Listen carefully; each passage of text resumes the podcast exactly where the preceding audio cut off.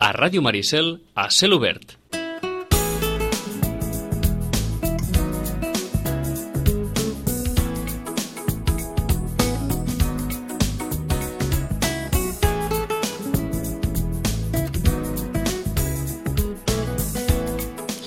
Doncs eh, benvinguts amb aquesta hora d'Europa, eh, amb, la amb el suport de la representació de la Comissió Europea eh, a Barcelona, la Diputació de Barcelona, l'Oficina del Parlament Europeu a Barcelona, l'Ajuntament de Sitges i la Secretaria d'Afers Exteriors de la Generalitat de Catalunya i, òbviament, la col·laboració d'Eurolocal. Joaquim Millan, bon dia. Molt bon dia. Uh, Joaquim, vas anar a la manifestació? Jo sí. Vas anar a la manifestació. Hi havia molta gent. Molta gent. Els que sabem comptar, sabem comptar que havia molta gent. Sí, exacte, no? era, era difícil o gairebé impossible eh, saber si hi havia 600.000, un milió, un milió i mig de persones. Bueno, mira, posem un milió i mig i 600.000, posem la meitat, un milió. Uh -huh. Aviam, digue'm tu, en quina manifestació avui en dia mm, agafes i gent que podria anar a la platja perquè feia un dia espectacular o podia fer altres coses, agafa i se'n va a una manifestació eh, amb tot el que suposa pues, eh, agafar, mm, desplaçar-te, anar... Per tant, jo crec que només que fos un milió, i et dic, jo crec que n'hi havia molt més que un milió, perquè mm, les dades són les que són, però també ho vaig estar, estàs allà i ho veus, no? Doncs bueno, eh, això eh, el que no es pot és menys tenir, crec que és un greu error quan eh, l'estratègia política, quan algú menys té la, la manifestació del poble, perquè a més a més també veiem que va ser una, una manifestació on bàsicament eh, els que van d'alguna manera participar era ciutadania, no? per tant vol dir mm, estiguis o no estiguis d'acord, t'agradi més o t'agradi menys, eh, etc. Vull dir, això és una cosa a part, a banda, però menys tenir-ho és un, greu, un greu error d'estratègia política, per tant vol dir que eh, el que has d'intentar és veure com ho pots gestionar, veure com tu, quins matisos li pots donar, veure quines respostes tu creus que pots eh, al moment donat doncs, plantejar, però la, la, la, diguéssim, el que no pot ser és menys, menys tenir una situació d'aquest tipus perquè dir, al final és un moment en què et torna en contra. Eh? Uh -huh. Tothom ha estat d'acord en que eh, aquesta manifestació ha estat un punt d'inflació, per una cosa sí, o per una sí, altra. Sí, sí, sí, sí, sí. Ningú sap cap a on portarà, però en qualsevol cas ha estat un punt d'inflació. Eh, podem entendre o podem... Eh, presumir com ho estan veient des de la resta d'Espanya amb més o amb menys fidelitat, però eh, en Joaquim, que és una persona de món, entenc que també té contactes a mhm, fora, mm -hmm. a fora de l'Estat.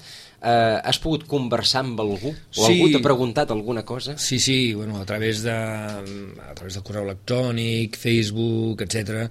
Eh, inclús llegint alguns tuits eh, vas veient una mica doncs, la percepció que es pot tindre des de, des de fora, i que quan dic des de fora em refereixo a altres companys, eh, des, de, des dels propis catalans que estan vivint a qualsevol indret dins la Unió Europea a gent pues, que són d'altres nacionalitats dins d'aquesta Unió Europea de la qual en formem part. No?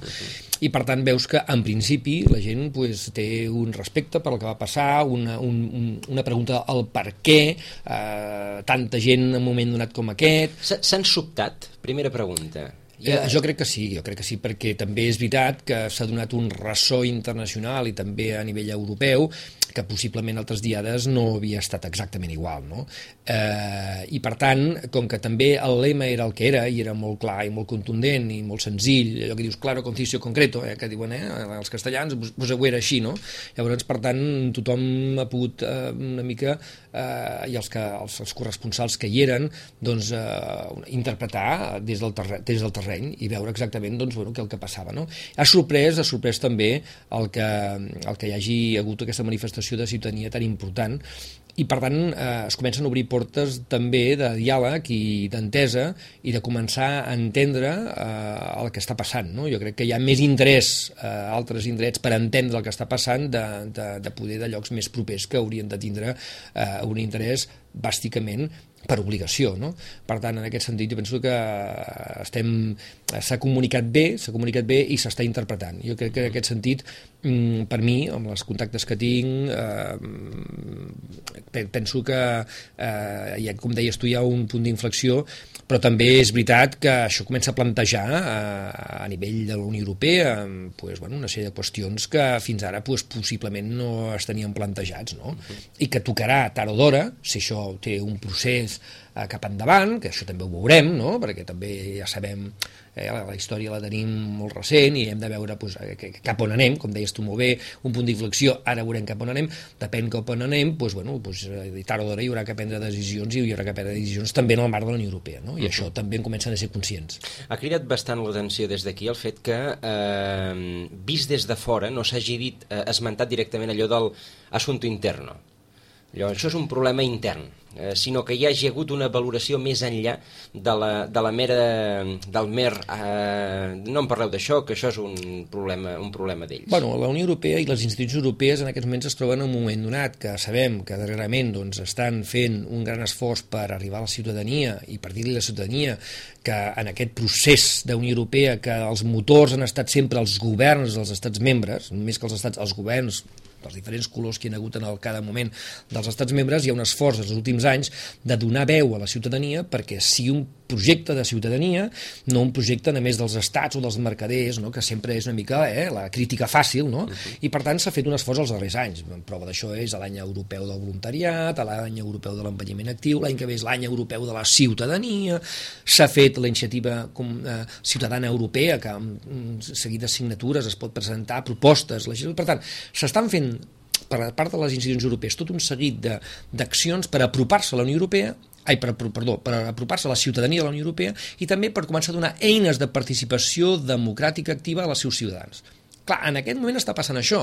Per tant, no podem dir, mm, bueno, sí, però amb aquests temes no. Clar, en aquests moments la Unió Europea es troba amb aquest procés que ha intentat de democratització, participació ciutadana, etc etc perquè el projecte europeu sigui dels ciutadans, però clar, bueno, si els ciutadans reaccionen i tens un milió i mig de persones al carrer reclamant una sèrie de coses o manifestant-se per una sèrie de temes, doncs clar, els hi has de fer cas, si més no, no els pots mantenir, i això ha sigut la reacció que hi ha hagut a la Unió Europea, diu, home, no podem dir el que estem dient i a la vegada quan hi hagi una cosa d'aquest tipus fer veure que no, no va amb nosaltres, no? Uh, podem dir que... Tot i, ja... que... tot i que és un terreny pantanós. Oh, Bèlgica clar, oh, té un problema molt oh, greu, clar, clar, clar. Uh, Gran Bretanya el pot oh, tenir clar, en, en, els, en els propers anys, per tant aquí hi ha un, uns quants estats que deuen estar mirant el lupa, malgrat que no Evidentment, i des de la Unió Europea també, perquè també això es veu, no? No, no és només el cas d'un milió i mig de persones a Catalunya, sinó estem parlant dels temes d'Escòcia, de, estem parlant tot el procés que, bueno, procés que no està inacabat a Bèlgica, etc. Vull dir, i, i, i, i altres, no? Llavors, clar, també és veritat, i això en, en part és veritat, però no és exactament així, eh, en una època de crisi, doncs, bueno, doncs, evidentment, doncs, també, també és veritat que doncs, es veuen més les diferències, hi ha un moment que dius prou, etc etc etc. A vegades la gent diu que possiblement doncs, eh, havia molta gent que no estava per la independència i estava per la crisi.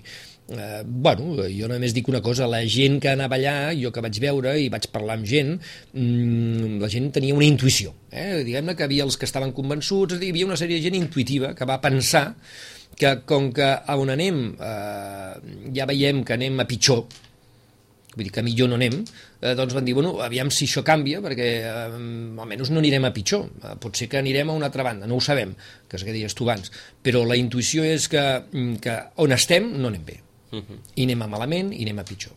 I jo crec que és un tema que la ciutadania, en un moment donat, té clara i llavors busca fórmules, i la fórmula pot ser aquesta, pot ser, bueno, busquem, digue-li pacte fiscal, digue-li independència, digue-li el que tu vulguis, perquè aquí hi haurà moltes intensitats, moltes interpretacions, però sí que havia un moment, que tothom estava d'acord a dir prou. A on estem, no volem estar. Tal com estem, no en tenim ganes. I veiem que no hi ha futur en aquests moments perquè, evidentment, doncs, veiem que cada vegada anem a pitjor. I crec una mica la, la, el que haurien de recollir les institucions europees i la gent que ha parlat d'Europa, això ho entén ràpid. Uh -huh. Se'n dona compte ràpid. Uh -huh. I a partir d'aquí és quan es podran les reaccions de com això ho gestiones políticament parlant, etc etc. i bueno, doncs, eh, aquest és un altre tema a discutir, però que la gent mm, té clar que, que prou, i això és una mica el que la ciutadania a, a nivell va, va, va dir, no? i per tant jo penso que des de les institucions europees i la gent amb la qual jo he parlat, això és, lo, és el mínim comú denominador que tothom entén. Tot i que els, eh, i d'aquí uns instants, eh, d'aquí uns minuts en parlarem amb el senyor Pau Canaleta, però en qualsevol cas, des de eh, els mitjans eh, de fora, els mitjans internacionals, eh, s'ha apuntat molt cap a doncs, la situació de crisi eh, que ha fet de revulsiu perquè la, mm. la, la gent sortís al carrer. Òbviament, eh, difícilment sense eh, els problemes econòmics, sense la petició de rescat de la Generalitat fa, fa un mes, eh, sense tot plegat, i les respostes, òbviament, però bé, sense tot plegat, sense la situació econòmica general, difícilment un milió i mig de persones haguessin sortit ah, al carrer. És que dic jo, hi ha molta gent que ha fet números, eh, i poder, no, després no saben comptar, però que sí que han fet números perquè això passi. I per tant és evident que ha passat, i, i a més a més si la crisi tots veiem que durarà temps, això anirà creixendo. Això anirà un moment que vull dir que realment... Eh, per permetràs, això... Em permetrà, Joaquim, llavors dona una certa sensació de sortir endavant.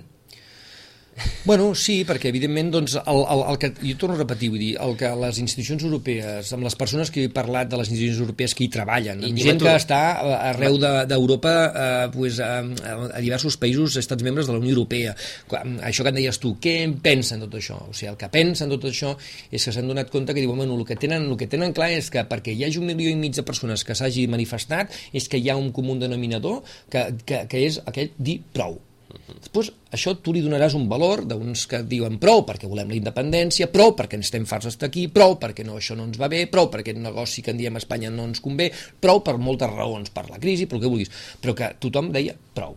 I llavors a la, es obre la possibilitat de dir, bueno, què passaria si?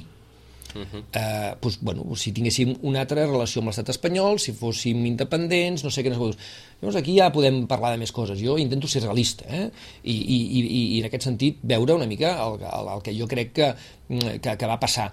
Però també, i amb això estem d'acord, no ens enganyem, la gent que es va manifestar sabia molt bé quin era el lema de la manifestació. Per tant, vull dir, no podem anar allà dient jo vaig allà però no sé exactament on vaig. Malgrat que sempre va haver algun polític que va dir que... Oh, no... Sí, i també persones, no? Vull dir, tu vas parlant amb persones i possiblement havia gent que deia, bueno, jo no sóc molt per aquest tema, però bueno, si algun dia passa tampoc em, tampoc em molestarà. Bueno, eh, bueno, ja és això, no? Llavors, aquest és una miqueta el tema de que des de fora sí que s'han donat compte i per tant jo penso que i els mitjans de comunicació veiem veiem també la importància que li van donar mm, a moment donat, eh, com ara, doncs que, moment, que hi hagi una manifestació d'aquestes característiques amb, un, amb, un, amb, un, amb uns eslemes i amb unes, i amb unes peticions concretes, etc etc. Per tant, els mitjans de comunicació internacionals i especialment europeus s'hi han fixat perquè realment eh, bueno, és un tema en el qual se li dona la importància que, que té, ni més ni menys, la que té.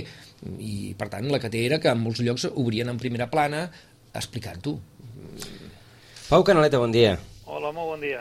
Pau Canaleta, que és consultor en comunicació política i institucional, director del Centre Català d'Anàlisi i Informació Internacional i professor de, de comunicació a la Universitat de Girona. Uh, S'ha parlat de Catalunya més que mai a Europa? Sí, sí, sí, i tant. Aquests dies, eh? dubte. I això és bo és dolent? Jo trobo que és bo, no? Uh mhm. -huh. És a dir, eh, que doncs, arreu d'Europa se sàpiga o segueixi el que està passant a Catalunya i una mica doncs, doncs que tenim una visió d'un món diferent i que hi ha uns certs temes, bueno, que tenim una veu pròpia i que doncs, tenim quelcom a dir en el conjunt de la construcció europea, doncs és bo. Uh -huh. uh, els mitjans internacionals s'han preocupat uh, per Catalunya perquè hagi sortit un milió i mig de persones al carrer, eh, perquè des d'aquí s'ha fet alguna cosa prèviament amb aquests mitjans o, o per què? Jo crec que s'han preocupat bàsicament per dues coses. Una, perquè ha sortit un milió i mig de persones al carrer, uh -huh. que això avui en dia és molt complicat, i recordem, per exemple, la marxa d'un milió de persones a, a Washington, no? Vull dir que és que com hi ha pocs moviments polítics avui en dia que puguin mobilitzar doncs, una quantitat de gent tan gran, no ja a nivell europeu, sinó a nivell mundial. No? Uh -huh. Vull dir que aquest fet ja per si sol doncs és d'una gran transcendència.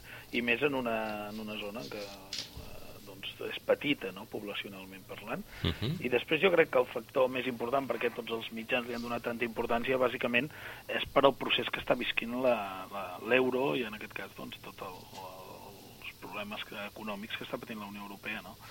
i bueno, un dels eslabons més, més dèbils en aquest cas doncs, és l'estat espanyol que bueno, tots sabem com està i bueno, doncs que en l'estat espanyol que està patint una greu crisi econòmica, una greu crisi del deute que hagi de demanar segurament un rescat, doncs se li junti una crisi institucional d'aquestes magnituds, doncs eh, pot acabar tinguent conseqüències molt més enllà d'un mateix estat, no? sinó sobretot en el conjunt dels països de la Unió Europea. Uh -huh. uh, moltes vegades havíem llegit que uh, la realitat catalana, vista des dels mitjans internacionals i, òbviament, des, de, des dels mitjans europeus, estava molt mediatitzada per la residència de la majoria dels corresponsals a la ciutat de Madrid. Exacte, sí, sí. Uh, això ha anat canviant en aquests, en aquests darrers temps? Jo crec que no ha anat canviant, però sí que hi ha hagut, eh, és a dir, el, el que està succeint a Catalunya, uh -huh. aquest moviment de fons, eh, és d'una transcendència tan gran a nivell espanyol que acaba influent... i algú que no està tan contaminat com poden ser els, politi... els periodistes espanyols, en què tenen una visió molt clara del que està succeint i de les relacions Catalunya-Espanya, doncs algú que estigui a fora, encara que estigui a Madrid, va veient aquesta evolució i vulguis o no se'n fa ressò i, i per ella és, és noticiable no? I jo crec que canvia el, el punt de vista perquè han passat coses en aquests, en aquests darrers 5-10 anys han passat coses considerables no? que abans doncs, no tenien tanta, tanta visibilitat i que la crisi econòmica i la crisi política i el deteriorament de les relacions entre Madrid i Barcelona, com si diguéssim, doncs eh, ha magnificat també a ulls dels, dels, delegats d'aquests mitjans a, a Madrid. Uh -huh. Es va comunicar bé, ja que parlem amb un eh, consultor en comunicació, es va comunicar bé l'11 de, de setembre, la, la manifestació i el que havia de passar? Molt bé, sí, sí, sí. sí. Jo crec que es va anar creant un, en un ritme, no? És a dir, a mesura que ens anàvem acostant a la manifestació es va anar en tots els actors, més enllà de l'Assemblea la, de Nacional de Catalunya, que eren els organitzadors, sinó també dels partits polítics del mateix govern, dels mitjans, etc es va anar creant un caldo de cultiu que cada vegada eh, semblava com que a mesura que s'acostaven la, la, la data de l'11 de setembre, que aquí no hi fos... Vull dir que tothom tenia clar que passaria quelcom molt important, no? I de fet tothom ja donava per descomptat que seria una manifestació tan o més gran que la del, la del 10 de juliol de, de fa dos anys, no? Mm -hmm. Això era la casa d'en Bernat, no? Qui no hi és, no hi és comptat. Exacte, i molta gent eh, doncs, bueno, es va veure com cridat a si ha de ser, no? Passarà uh -huh. alguna cosa important i hem de ser, no? I, eh, i això és, bueno, és una comunicació molt bona. I a més les dades que es anaven filtrant i que es anaven d'això, doncs, com el nombre d'autocars, etc i anaven en aquesta direcció. No? Uh -huh. uh, en qualsevol cas, no deixa de ser paradoxal que per una vegada hi, hi hagi hagut uh, una tàcita unitat d'acció en alguna cosa, ni que sigui en, la, en el potencial comunicatiu d'aquesta marxa. Sí, perquè en el fons uh, la majoria dels actors, uh, tant polítics com socials de Catalunya, inter els, hi, els interessava que si tingués un èxit important. No? Uh -huh. Tant el govern de, de la Generalitat, el govern del president Mas, en què considerava que era important tenir doncs, un, un tour de força així per a l'hora de negociar a Madrid i a l'hora de, de, doncs, de la reunió que tindrà el 20 de setembre amb Rajoy i tot el que vingui en un futur, uh -huh. com la mateixa societat catalana, com el conjunt dels actors que van intervenir. No? Vull dir que en aquest cas la unitat era, era difícil a Catalunya, sempre és difícil, en aquest cas no ho era tant perquè per primera vegada la majoria dels actors que intervenien confluïen amb els interessos. D'acord.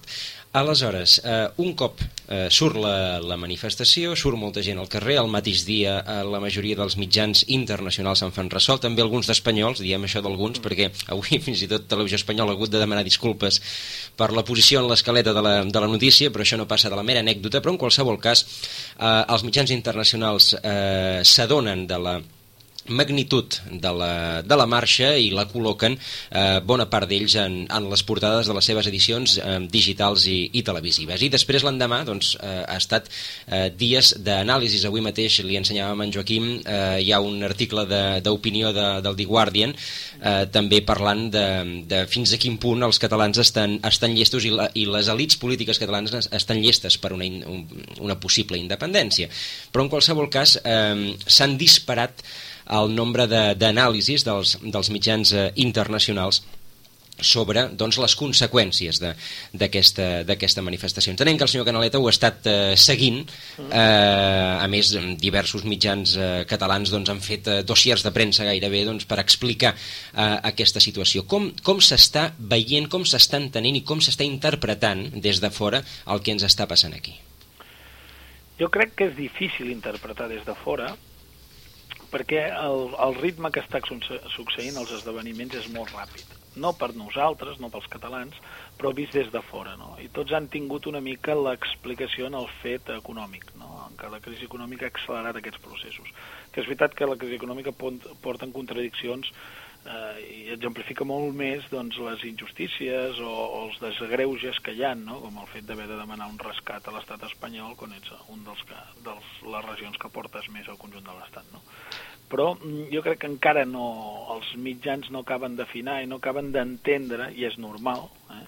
Uh, aquesta magnitud i el malestar i, i què està passant. No? I ho atribueixen, doncs, el més senzill que és a la crisi econòmica, uh, a una dirien com si només fos una cosa de finançament quan la cosa és molt més profunda. Uh -huh. Però bueno, això és normal, eh? jo crec que és un procés que s'ha d'anar seguint i segur que a partir d'aquesta manifestació hi haurà un seguiment molt més gran del que vagi succeint aquí a escala europea. Anava a dir, la, la manifestació ha posat a Catalunya, en certa mesura, si no hi era, però probablement no hi era en aquesta magnitud, en, eh, en l'agenda europea?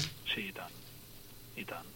Sí, sí, bàsicament per, per el que deia al principi, no? Uh -huh. Perquè, bueno, és transcendent el que passi a la quarta economia de, de, de la Unió Europea, no? en aquest cas Espanya, i si té una crisi institucional, nada menys en una regió pròspera, en fronterera, eh, entre dos estats membres, on hi ha una de les regions més, més avançades d'Europa, etc., doncs, bueno, és obvi que aquí hi ha un problema important i que s'ha de fer un seguiment, no? Uh -huh. sí, si només fos, eh, com hi havia doncs, un problema de relacions, etc., doncs mira, feia un seguiment, però mínimament, no? a la que això doncs, fa un salt qualitatiu d'aquesta magnitud i surt aquestes dimensions amb un eh, explici, explicitant tan clar el missatge, doncs és evident que, que hi haurà un seguiment constant eh, precisament eh, ara, ara ens, ho, ens ho apuntava en, en Joaquim Millan, eh, clar, el fet que eh, el dinamisme eh, que representa Catalunya dintre de l'economia europea, doncs fins a quin punt Europa es pot permetre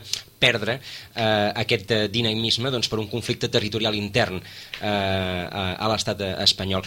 I, I més enllà, eh, més enllà d'això, uh mhm. -huh. hi hauria problemes com per exemple el de les connexions, etc. no? Correcte. Eh, uh mhm. -huh. Catalunya és una zona fronterera, entre, ara mateix estan construint la, la línia de molt alta tensió entre França i Espanya, no? Mm -hmm. Què passa que... I en el futur el, corredor, el famós corredor ferroviari, aquell que havia de passar bueno, per Confranc. I el, la, i el tren d'alta velocitat, etc mm -hmm. etc i és un de les zones on hi ha més pas de camions europeus, no? Mm -hmm. Bueno, clar, tot això amb una, amb una sortida de, de la Unió Europea seria molt complicat de gestionar, no? Mm -hmm. I Alemanya? Com ho miren des d'Alemanya? Bé, jo no sé ben bé com ho miren des d'Alemanya, però és, és difícil... Si bé ells tenen la sensibilitat dels lands i tal, jo crec que és difícil eh, visualitzar-ho d'una manera clara, és a dir, jo crec que aquí, eh, per això tenim una feina els catalans, no? doncs ara un cop tenim el foc a sobre, uh -huh. explicar molt bé el per què, els motius i sobretot tenir arguments per tal de que ho entengui tothom. Però de totes maneres, en certa manera, jo crec que una part sí que entenen perquè en part és el que ells veuen, o aquest malestar que hi ha en la societat alemanya també, del pagar per als països del sud. No? I mm-hmm. entenen, jo entenc que també, vulguis o no, si, si la seva visió és des del punt de vista econòmic, es poden arribar a entendre d'una manera senzilla. Els bavaresos ens entendran sobretot, no? Uh, sobretot. uh, i, I els belgues i els uh, britànics potser també ens entendran millor? Segur, molt millor. Els que tenen... El... Bueno, no sé si millor, eh? Uh mhm. -huh. Perquè en aquestes zones, si bé és més sensible o és més lògic perquè tenen problemes similars i tenen processos similars i tenen zones doncs, que també tenen una voluntat de ser, etc. Eh, si bé això en teoria facilita el, la comprensió del problema, també la intoxica una mica, perquè des del punt que ells el que fa és assimilar-ho en el seu manera de ser, no? I ells ho assimilen a la seva problemàtica, encara que hi hagi matisos molt diferents. No? I això, vulguis que no, contamina una mica. Sempre pensem en els esquemes ja preestablerts, no? I estic segur que ells, per exemple, els anglesos, a l'hora d'analitzar-ho, el que faran és eh, passar-ho pel filtre de, de, de, dels, dels seus problemes que tenen, no? Escòcia, Irlanda, etc. Eh, de, això és fàcil fàcil d'entendre, senyor Canaleta, de la mateixa manera que nosaltres podem mirar Escòcia des del nostre filtre, Exacte. Ells, ells poden mirar Catalunya des del seu. Exacte. Uh -huh. I això el que provoca a vegades és mm, no interpretar bé el que està succeint, Correcte. no? perquè segurament eh, la realitat escocesa i la catalana no és, bueno, de fet no és gens comparable per, bueno, per al pes que tenen dins del conjunt, les seves economies, l'estructura demogràfica, la seva situació geogràfica, etc. I clar, això dificulta no? i acabes doncs, tenint una visió distorsionada. Uh -huh. El fet d'estar de, ara conversant amb un consultor de comunicació també ens permet eh, fixar-nos en, un, en un detall eh, que també va sortir ahir als mitjans. Òbviament no era, no era un detall dels més transcendentals, però sí que ens va cridar força l'atenció. El mateix dia de la manifestació va ser va aparèixer el portaveu de la Comissió Europea, mm. va comparèixer eh, i va dir que obertament que si eh, hi hagués una secessió dintre d'un estat membre de la Unió Europea, doncs la nova entitat hauria de demanar eh, la seva entrada en aquesta Unió Europea. Ho va dir així clarament. Eh, L'endemà, és a dir, ahir, eh, el mateix comissari europeu Joaquín, eh, Joaquín Almunia i el mateix eh, portaveu, que estic buscant el seu nom però ara no el, no el trobo, eh, Oliver Bailey, sí. el nom del portaveu, eh, va matisar i va dir que no era exactament això i que en qualsevol cas els tractats no ho preveien i que per tant s'hauria de negociar una nova situació. Per tant, doncs, va matisar en certa mesura l'opinió anterior.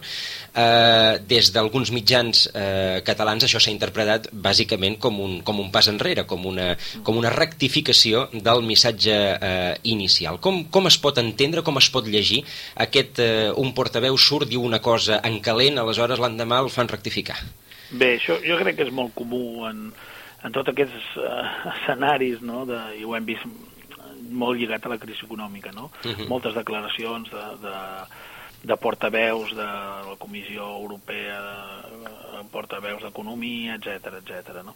És a dir, com que tot tan canviant, eh, les coses són molt més difícils, no? I en el cas de la Unió Europea sí que hi ha un missatge clar que s'aplica un manual, no? És a dir, en el cas de que surti un estat membre, tot, tot, tot. però clar, és un, factor, un fenomen que no s'ha produït mai, no? que dins de la Unió Europea un país eh, o una zona s'independitzi d'un estat membre. Uh. -huh. Sempre ha estat externs que havien d'entrar, no? I això s'ha bueno, aplicat al manual i aquell portaveu doncs, va dir el que toca, no? Clar, eh, també hem d'entendre que la Unió Europea és una unió d'estats i que hi ha interessos i que és obvi que els estats doncs, influenciïn o pressionin perquè es digui el que més els interessa en clau interna, no? I en Ara... aquest cas la rectificació jo crec que, que va ser evident. Una cosa és els funcionaris europeus o els dirigents europeus de Brussel·les que diuen doncs, el protocol que tocaria o l'opció més normal que sortiria, l'altra és a la que ja hi entra els interessos polítics dels estats Correcte. que de fet són els que acaben dirigint no, la política europea. En, en qualsevol cas, eh, la Comissió Europea precisament no respon davant dels estats Exacte. Sí, sí, sí, sí. Aleshores, diguem que no, no podria justificar-se les declaracions del senyor Bailey per presumptes pressions d'Espanya. No, justificar-se no, però tot qui són. Sens dubte. En qualsevol cas, no, no deixa de, de, de ser curiós i, i a més... Eh, quan, si no recordem malament, fa eh, unes setmanes, fins i tot eh, en una resposta per escrit a una pregunta d'un parlamentari eh, català, mm. eh, la mateixa eh, Comissió Europea havia dit que en qualsevol cas una secessió s'hauria de resoldre eh, seguint els, tra els tractats internacionals. I, sí, sí. D'una manera, clar... És, és una lògica... Aplastant, oi? I en el fons, sí, sí. Si, si es produís la independència de Catalunya en un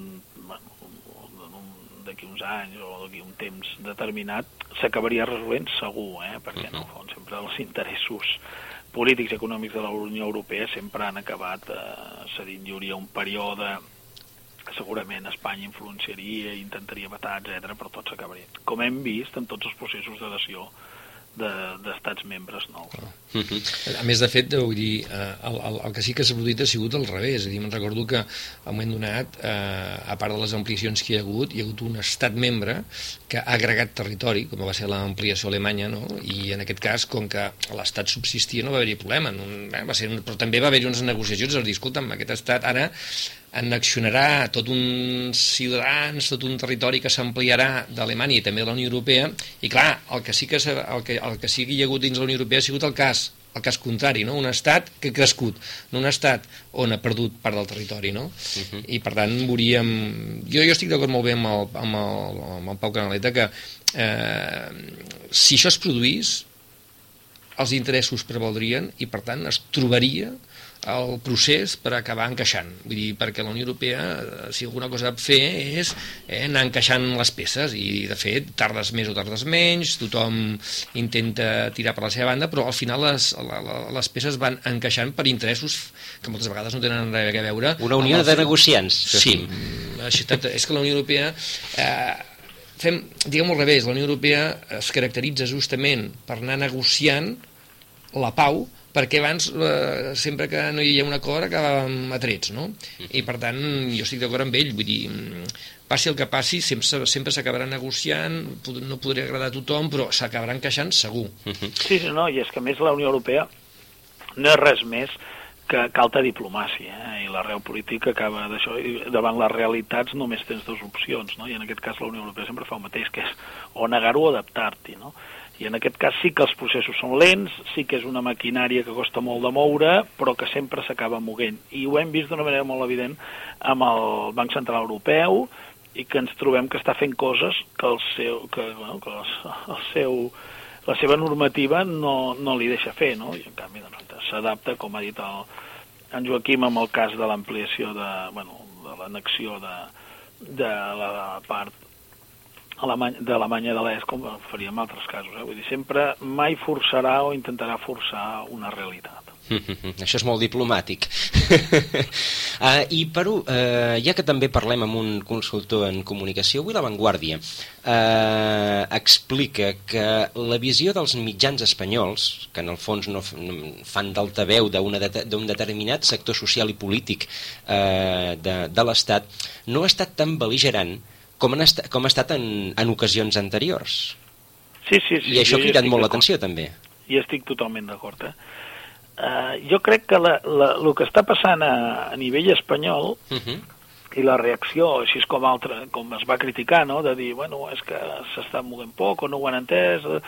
Jo crec que els espanyols, en aquest cas, i sobretot les èlits polítiques espanyoles, eh, han captat molt bé el missatge de la manifestació, ho tenen molt clar, molt més enllà del que nosaltres ens pensem o del que externalitzin, i han de tenir un procés de viratge, eh, de, de canviar una mica, perquè hi ha hagut una acceleració d'un procés català que no esperaven, amb, aquest, amb aquesta intensitat, i sobretot de digestió, han de digerir el que ha passat per poder-ho transmetre també a la seva opinió pública i anar preparant per possibles escenaris. Uh mhm. -huh. I això d'un cent temps. Avui, avui precisament, un diari digital, VilaWeb, eh, publica sota el títol Ja fan campanya pel NOLS els, les portades d'avui de l'ABC i la Razón, on eh, es parla ja de criteris econòmics de què passaria si eh, Catalunya fos independent, si tindria el PIB de Xipre, si haurien de pagar 40.000 milions d'euros per pagar, per pagar la independència. Aleshores, eh, uns, uns arguments que van molt més enllà d'allò dels quatre xalabrats que, que podríem entendre per les declaracions que va fer el, el dilluns el, el president del govern. Per tant, doncs, eh, diguem que l'argument canvia i l'argument s'adapta ja a una, a una hipotètica consulta. Sí, sí, és el que et dic, eh? Uh -huh. Han canviat de cop, han vist que l'escenari s'ha mogut molt més del que... Tot i que se'ls anava avisant, sí. molt més del que preveien, i ara, per fi, crec jo, mm, eh, mentalment han canviat, és a dir, ja no és allò que fins ara veien com una cosa improbable i realitzable, un escenari com el que s'està produint, sinó que sobretot el que estan fent és intentar canviar i eh, sobretot el que per primera vegada donar arguments que fins ara es trobaven a faltar, eh? no, no hem vist arguments contraris a tot aquest procés, uh -huh. de dir què aporta, què passaria i tal, i per primera vegada comença, no? això és un canvi de viratge important. Eh, és el reconeixement del problema, aleshores. Exacte, exacte, exacte. que moltes vegades en comunicació es nota falta això, eh? Sí, no, en, en comunicació la clau és donar arguments, primer de tot explicar el teu relat, no? Uh -huh. I construir de manera narrativa els esdeveniments que van succeint lligant-los per tal de que tot tingui una seqüència lògica, no? I en aquest cas, com, com pot ser la crisi europea, com en el cas de, dels alemanys, que tenen una visió molt clara del que està passant, en què el sud té la culpa, que s'ha gastat, etc etc. I en el nostre cas, doncs, en el cas dels independentistes, s'ha anat construint aquest relat, i en canvi els unionistes, com si diguéssim, o des d'Espanya, no, no se li ha donat ni la més mínima importància. Jo crec que ara el que està passant és que primer pairan la manifestació, després començaran a argumentar i a construir un hipotètic a independència per tal de tenir arguments els que vulguin oposar-s'hi. No? Uh mhm. -huh. Entrem en un eh, període comunicació, comunicacionalment interessant? Molt, sí, sí, sí. sí. Jo n'estic convençut eh, que això, que cada vegada més eh, el que tractarem, eh, tant una part com l'altra, com altres, eh, com també hi ha parts intermitges en què eh, aquesta confrontació tampoc els afavoreix, el que intentaran és intentar donar arguments, intentar eh, visualitzar la seva visió de com hauria de ser, i això vol dir comunicar i intentar transmetre doncs, un missatge clar de per què defensen una certa postura i per què intenten convèncer el conjunt de la ciutadania. Mm -hmm. o sigui, poder et refereixes poder a, a altres, eh, altres arguments intermitjos com pot ser el, el federalisme, etc etc. Sí, o no, no ben bé el federalisme, sinó els que volen un encaix de Catalunya i Espanya en què Catalunya estigui bé, per exemple no? Sobretot en clau catalana, però també podrien, si bé minoritària, en clau espanyola, no? de dir, bueno, tenim aquesta realitat, i han començat a sortir veus en aquest sentit. Eh? El que va passar l'altre dia és molt gros, hi ha un malestar gairebé, diríem, irreconciliable, eh, busquem una fórmula en què Catalunya es trobi bé. Això és ah, molt difícil, però segurament hi ha gent que intentarà això fa un, fa un mes sortia al País un article de Suso del Toro mhm. eh, que recordem doncs, que deia precisament això entenc que els catalans vulguin, vulguin marxar però si us plau no ens deixin sols doncs... Home, segur que hi ha una part d'Espanya que, que, bueno, que, que tindria un problema important si els catalans se n'anessin no? per als equilibris polítics mhm, i mhm, l'hegemonia que en sortiria després doncs, eh, tu que Pau... Ets, no, Pau, una cosa, tu que ara entra en una, una cosa més local, però que -huh. també, eh, per saber la teva opinió, tu, tu que ets de Girona, eh, i per tant, eh, tot el que suposa les relacions transfrontereres entre, entre Catalunya i els departaments de, del sud de, de França, mm, eh, des d'aquí, des del dia a dia, des dels intercanvis empresarials, acadèmics, eh, de ciutadania, culturals que poden haver-hi des d'aquestes mm, relacions transfrontereres, com, eh, com es viu eh, aquest tema, si és que se'n parla, si no se'n parla, i sobretot eh, aquestes relacions transfrontereres, tu creus que en els darrers anys també s'han anat incrementant, eh, sí no? Com ho veus? Ja, se'n parla. Ells, eh, el que és la zona al sud de França té una relació molt estreta amb tota la zona de Girona i tot el que és Catalunya i també Barcelona. Eh?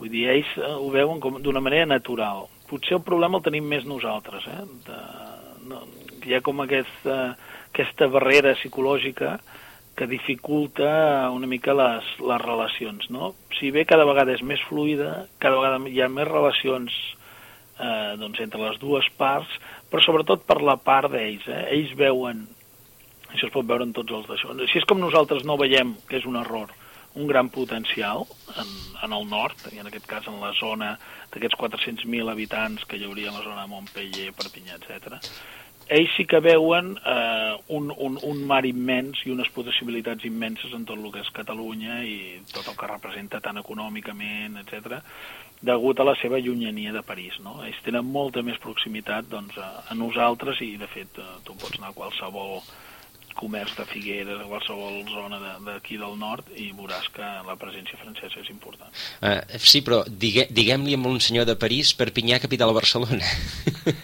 Sí, no, però és que no, no és això, sinó uh, ells realment veuen que tenen moltes més possibilitats. D'acord. L'àrea d'influència, el que, el que Margot... El, el uh, Hinterland. no, però el que Margot a vegades de la Unió Europea es diu això de les euroregions, ah, que no, no és més que un mot per dir hi ha una àrea d'influència on hi ha una ciutat, que pot ser la líder, en aquest cas podria ser Barcelona, però que al voltant de Barcelona hi ha una xarxa eh, de, de, de relacions culturals, econòmiques, els que, eh, de, de tot tipus, que van, doncs, bueno, com diu molt bé el, el Pau, fins eh, fi, bueno, per suposat de Figueres, no? però fins a Toulouse, Perpinyà, Montpellier, uh. -huh. i que jo estic d'acord molt amb el Pau, eh? vull dir, des d'allà ho tenen molt més clar que des d'aquí. I això és un error, això és veritat. Sí, sí, sí, sí. I, i més, eh, eh, sembla mentida, que, bueno, jo els hi dic, eh, els comerciants d'aquí, no? Sembla mentida que, que no, no ho tinguin clar en un moment de crisi econòmica com la que estem patint, no? que aquí doncs, el, la capacitat de, de, de despesa és baixa de la gent d'aquí i en canvi allà estan millor. No? i en canvi ni així eh, hem fet un esforç com ells sí que han fet per, per interès, eh, també ho han fet vull dir, se senten molt més còmodes i tenen un conjunt de serveis i de, ja no dic a l'aeroport, ja no dic mil coses de connectivitat que no tindrien o no tenen doncs, en París. No? Doncs ens falta tenir només un minut, gairebé ens quedaria una pregunta al tinter, que és com ho deuen estar veient des de França. Hem parlat d'Alemanya i hem parlat de lluny i França, vulguis que no, no deixa de ser un, un tema més fronterer. Sí, no sé com ho veurien. Ells segur que l'estatu quo, els països són, són porucs, eh? per no. tant, el que més els interessa, però no tant en clau interna, eh? jo crec uh -huh. que no, no, França no té por de que se'ls hi, de, de que se'ls hi passés alguna cosa dintre les seves fronteres, eh? en uh -huh. aquest cas que Catalunya Nord, o sigui, perquè ells, eh, doncs, bueno, eh, ho tenen molt clar, tenen una, un país molt estructurat, i això no els hi fa por, però sí que els hi fa por doncs, eh, les, trencar l'estatu quo i les relacions establertes i més en una zona fronterera. Eh? Això sí que els hi, els hi, els dificultaria més. Doncs Pau Canaleta, consultor en comunicació política institucional, eh, moltíssimes gràcies per aquesta estoneta, aquesta conversa i aquesta anàlisi de, gairebé d'urgència doncs, que ens ha permès fer sobre el que està passant després de la manifestació de l'11S. Moltes gràcies a vosaltres, ha estat un plaer. Moltes gràcies, Pau. Fins la propera. Gràcies, Una abraçada. Molt i a tots vostès, doncs també, eh, Joaquim Millan, moltíssimes gràcies. A vosaltres. Aquesta hora d'Europa, que a més a més l'hem encaixat perfectament, això dos dies després de la manifestació, per tant... Havíem fet diplomàcia europea, hem encaixat. Havíem encaixat perfecte, perfectament. Doncs això, l'hora d'Europa ens acompanyarà també un cop més eh, al mes que ve. A tots vostès, doncs, eh, 5 minuts, notícies amb la xarxa i després més coses. Fins ara.